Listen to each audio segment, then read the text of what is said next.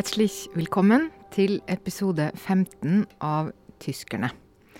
I studio er som vanlig Ingrid Brekke og Kai Hennorsvint, hallo. I dag skal vi snakke om tyske minoriteter. Eh, jeg har med et ord. Og jeg skal også reklamere litt for meg selv. Men det er nå en gang eh, august, og da snakker man jo om ferie. Og hvordan var din eh, ferie, Kai?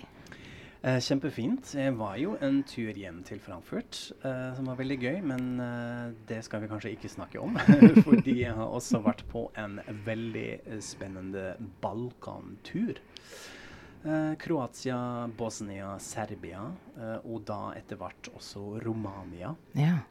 Som var veldig interessant. Jeg har aldri vært bort i denne delen av verden før. eh, og mye spennende å oppdage. Det var mye kjøring.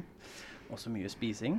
Eh, eh, og ja, eh, man møter jo en, en del folk og eh, mye prating. Og vi var vel eh, mest i Romania.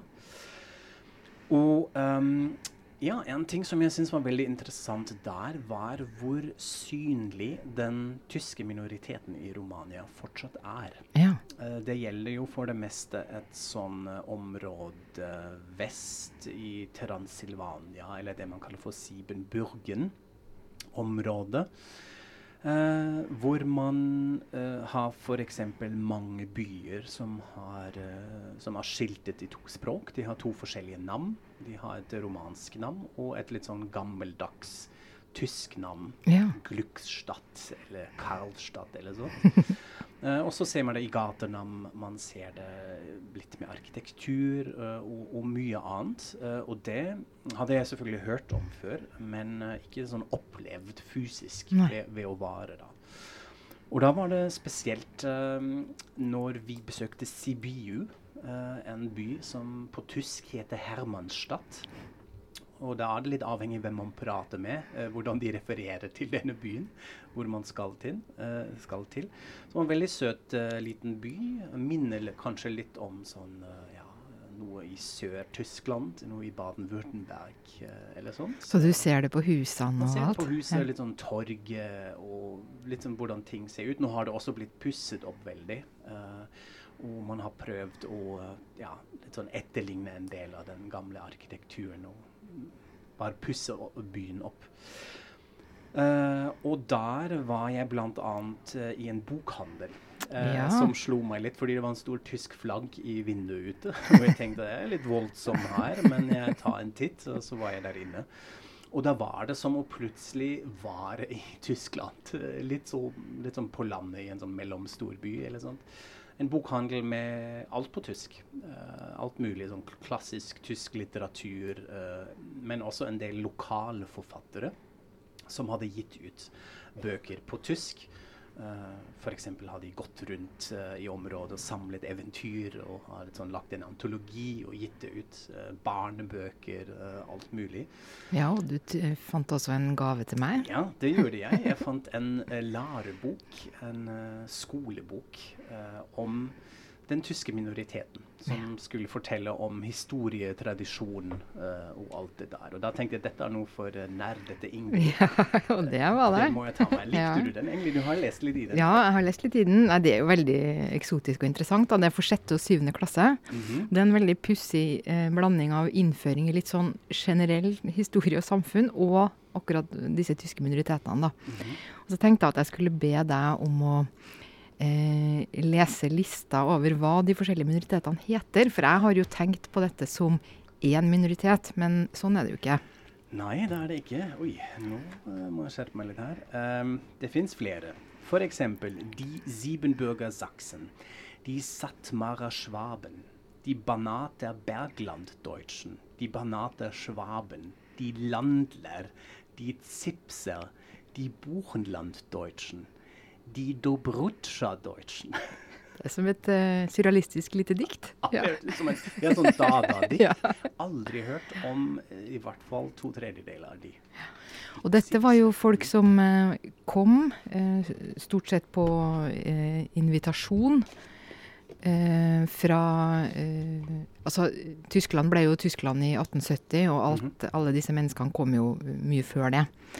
Eh, på invitasjon til forskjellige, i forskjellige århundrer. da, Ja. Og fra forskjellige områder og til forskjellige områder.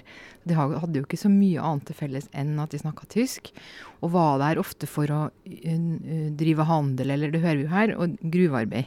Ja. Så de hadde spesielle de ble, de ble bedt om å komme av spesielle grunner, da. Mm. Og så eh, ble det jo minoriteter i mange, i mange land, ikke bare i Romania. For jeg, jeg har jo da vært en gang på cruise på Donau eh, med det tyske borgerskapet. Det er en egen eh, historie. Ja, den hører om en annen gang. Ja, det skal vi høre om en annen gang. Men da eh, reiste fra nesten begynnelsen av Donau og helt, eh, helt til slutten. Og var innom flere land. Og da hadde vi alltid guider som enten kom fra den tyske minoriteten, eller som hadde gått på tysk skole. Så da fikk jeg et lite sånn innblikk i nettopp dette mangfoldet, da. Eh, blant disse eh, minoritetene. Mm.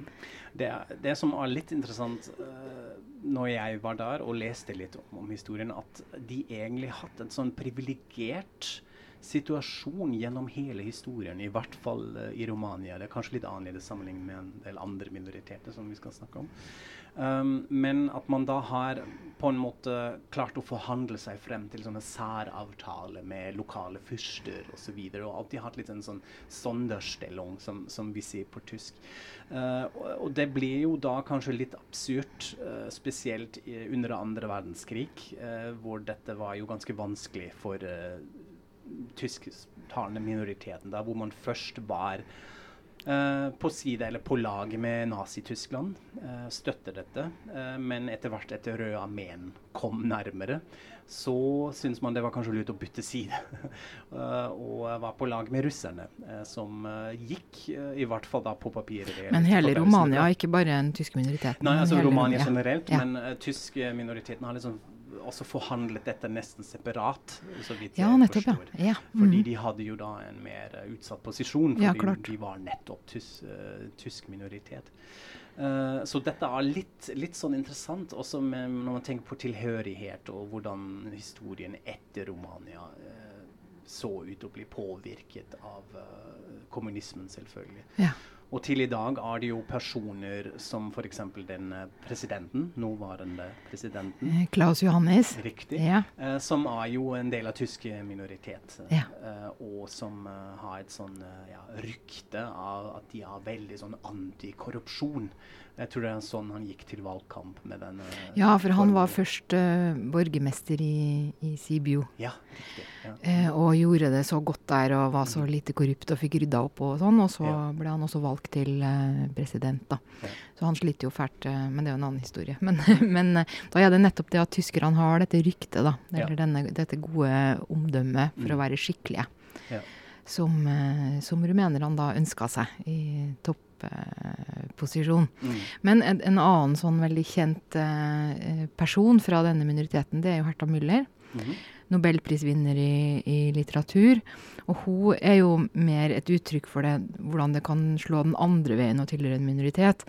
Nemlig hvordan hun ble Fordi det som skjedde etter krigen, var jo at eh, både i Romania og veldig mange andre steder, så for det første ble jo tysk minoriteten drevet ut i retning eh, Tyskland. Men de som ble igjen, ble jo også ofte sendt til Sibir og straffa på andre vis. Og hun kommer fra en sånn gjenbliverfamilie, hvor, eh, hvor hennes familie, mange av dem var i Sibir og i sånn leirer og sånne ting. Og hun ble også alltid forfulgt selv av eh, Securitate. Mm. Og, og endte jo i Tyskland før eh, kommunismens fall, som en slags uh, flyktning, da, eller som en ja, For å unnslippe dette, da. Sånn at uh, dagens president og Herta Müller er liksom de to, er to kjente Mm. mennesker fra denne minoriteten, men har jo veldig forskjellige Ja. historier. Jeg representerer kanskje to ytre punkter av denne Ja. ja, Hvordan man kan oppleve dette. Eh, kanskje også litt sånn land versus mer urban, intellektuell tilværelse. ja. Man føler seg kanskje litt mer lost Ja. når man som Herta Muller er Ja. ikke sånn bosatt da, eller fast, men med, han Ja. er en sånn flyktningsskjemen, da. Ja. Mm. Nei, og det er jo også litt sånn felles for disse eh, minoritetene i de ulike Altså de tyske minoritetene i de ulike landene, at det stort sett er ganske få igjen. Og det er jo, ikke sant Først så øh, øh, reiste mange ut, eller ble fordrevet da, etter krigen. Og så, eh, etter kommunismens fall, så kunne de jo i veldig høy grad komme til Tyskland og få statsborgerskap og pass og alt dette, og det benytta seg jo veldig mange seg av. Så de har jo blitt veldig små, da. Og mange av disse, og også selvfølgelig da deres etterkommere etter hvert, lever jo i Tyskland i dag. Men man merker jo ikke veldig mye til dem, bortsett fra kanskje én gruppe, som faktisk er Tysklands nest eh, største minoritet etter tyrkerne, nemlig russlandstyskerne. Eh, mm -hmm. Og det er jo en veldig svær gruppe eh, som, som eh, eh gjør et Man av og til leser om og hører om i, i, i Tyskland i dag. Ja. ja. de kjenner jeg faktisk ganske godt, fordi en av mine beste venner fra ja. Frankfurt, Viktor, en liten hilsen, eh, er eh, sønn av en russlandsk-tysk innvandrerfamilie. Det er litt interessant, fordi de kommer fra Tadsjikistan, av alle steder. altså Nesten Afghanistan, langt borte i det ja. tidlige Sovjetriket. Uh, og som de da sa selv, ble kastet av Stalin uh, ut i gokk. uh, som har liksom forplantet en del av de for å straffe dem. Ja de tyske, tyskerne. Og så bodde den familien der blant lokalbefolkningen, også blant andre russere. Og Viktor ble født i Dushanbe på slutten av 70-tallet.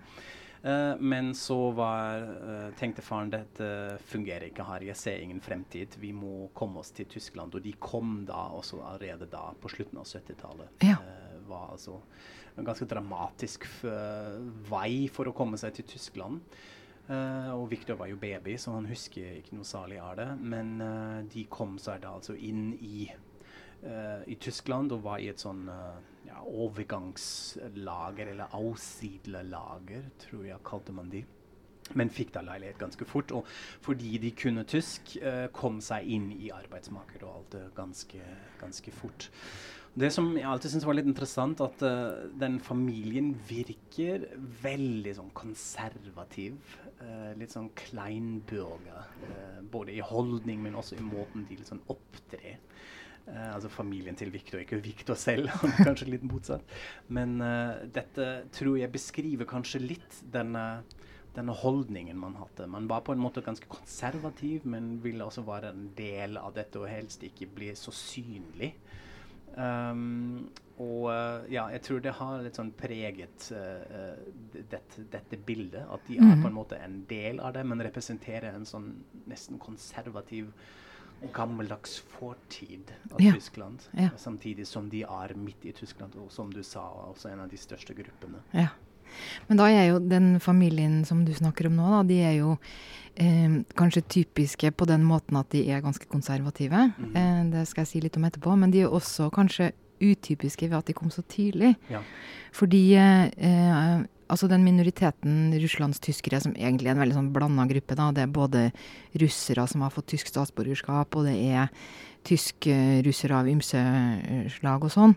Men eh, de aller fleste av de eh, kom mellom eh, 90 og 99, altså etter eh, murens fall og Sovjetunionens eh, eh, sammenbrudd. Men så er det jo da, som din venn, noen kom før, og noen har vel også kommet senere, og noen har blitt født, født inn i det. Men jeg har lest sånn analyse av hvordan de stemmer og står politisk, og da Eh, de er jo kjent nettopp fordi de kom etter murens fall, så har de vært kjent som ganske konservative, og de stemte Kohl i, i takknemlighet, og, altså CDO. Mm. Eh, og så har det kanskje forandra seg eh, litt etter hvert, og særlig eh, var det et tema før forrige valg at uh, Alternativ for Deutschland prøver å å uh, lokke dem til seg, nettopp mm. fordi de er denne litt konservative gruppa fra før. Og også er det en del fra denne eh, minoriteten som har sagt høyt at de syns det var urimelig under flyktningkrisen hvor godt mottatt syrerne ble, mens de selv ikke hadde fått en så god mottagelse i Tyskland som det de hadde kanskje drømt om. da. Mm. Sånn at det, det var et slags uh, under uh, et slags materiale her for AFD å, å fiske i. Men um, egentlig tror jeg at det største kjennetegnet for gruppa er at det ikke er så veldig um, politisk Altså at mm. de ofte ikke stemmer og sånn, da. Altså at det, det, er kanskje mer det. Men uh, jeg intervjua jo en, en selv uh, før valget, Alexander Reiser, som er ganske aktiv i, i Berlin. Og han har en sånn kanskje på en måte litt mer typisk historie. De kom på 90-tallet. Og han kommer fra en liten by som heter Himmelstall. Eh, I eh, Eh, nei, Hofnungstal. Unnskyld. Hofnungstal ja. oh, ja. i, i, Sibir. Altså Litt, Håpets dal. Ja. ja. Og det var i Sibir, og det var nettopp også det De var blitt putta der etter krigen som en, en straff, da, eller mm. fordrevet dit etter krigen. Eh, og det han fortalte, det var jo også at eh, i denne lille landsbyen så var det egentlig to typer tyskere. Det var de som kom fra frisisk familie, og de som kom fra svabisk familie. Og de forsto egentlig ikke hverandres språk. Så i denne landsbyen så utvikla de en slags sånn kødervelsk, da, eh, som var sånn delvis tysk fra disse to bakgrunnene, og med russiske nyord. Og så kommer de til Tyskland, og så tenker de at de kan tysk, men det kan de jo egentlig ikke. Nei, ja, de falt mellom alle ja, de falt liksom litt mellom ja. alle stoler, da. Men det er også noe som, uh, som Victor fortalte om, at man egentlig nekter å uh, identifisere seg lenger med Russland selv. Uh, altså Faren snakker først og fremst russisk, han har en russisk aksent. Men Victor var da også veldig sur, fordi de uh, lærte ham ikke russisk. Nei. Og han sier herregud, det har jo vært så lett å få vokse opp tospråklig, så kunne jeg snakket russisk ja. i tillegg. Men det ville man absolutt ikke. Det var en del av denne hardcore assimileringen. At man da altså skulle litt sånn Nettopp. forsvinne i, i det heimatlandet, det nye, som man, uh, ja. som man hadde flyttet til. Ja. Så det er interessant at man uh, russlandstyskene kanskje har ja, selv om de er absolutt ikke politisk uh, i det hele tatt, uh, blitt litt mer integrert, eller en del av, av Tyskland, uh, på en annen måte enn f.eks. Sudetendeutsche.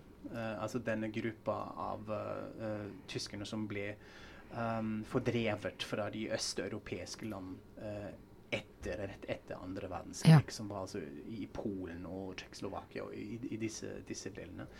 Uh, som fortsatt på en måte uh, ja, sliter litt med den, med den, situasjonen, som føler egentlig at de burde høre hjemme til disse delene igjen og kreve erstatning.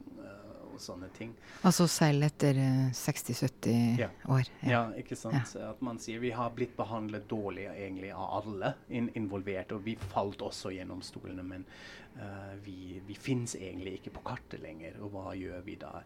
De også opptrer kanskje enda mer konservativ. Når man ser sånne Sudeten-Deutsch-samlinger, så de, uh, stiller de alltid opp i drakt, som var litt sånn rart for tyskerne. når man når gjør man dette? Altså, det er en sånn bayerisk ting, ja, kanskje. Ja. Mm. Uh, men uh, Så da har man en sånn konnotasjon av uh, en sånn erk-konservativ tilnærming til hva det betyr å være tysk. Og jeg husker veldig godt en sånn tale av den daværende jeg tror det var innenriksminister Otto Schili fra SPD, som skulle holde en tale foran Sudetenforbundet.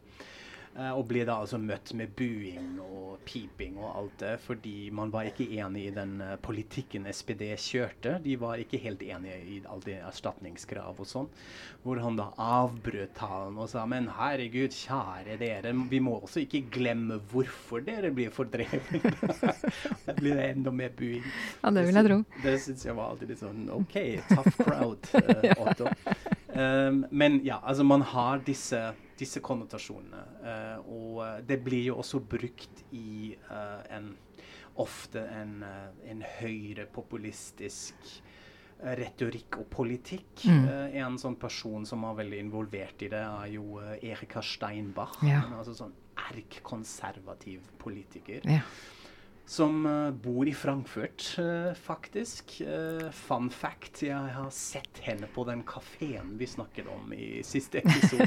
Kafé Christine i Frankfurt, hvor hun plutselig satt på nabobordet. Hvor jeg ble litt satt ut. Mm. Hun er ikke nødvendigvis en sympatisk person, men hun har, jeg tror også har vært talsperson for fatribene, ja, altså tyske absolutt. flyktninger, og altså bruker dette veldig ja. i hennes uh, politikk på en veldig konservativ måte. Ja, for det var en av de første sakene jeg skrev når jeg var korrespondent uh, for Aftenposten, mener jeg, at, at uh, Erika Steinbach var avbilda på noen sånne tyske, nei, polske politiske magasiner som Domina, ja. med pisk og alt mulig, fordi at hun hadde vært i Polen og sagt noen greier, da. Mm. fordi hun, hennes familie kom vel fra Gdansk, tror jeg. Hvis jeg ikke ja, husker helt uh, feil. Ja.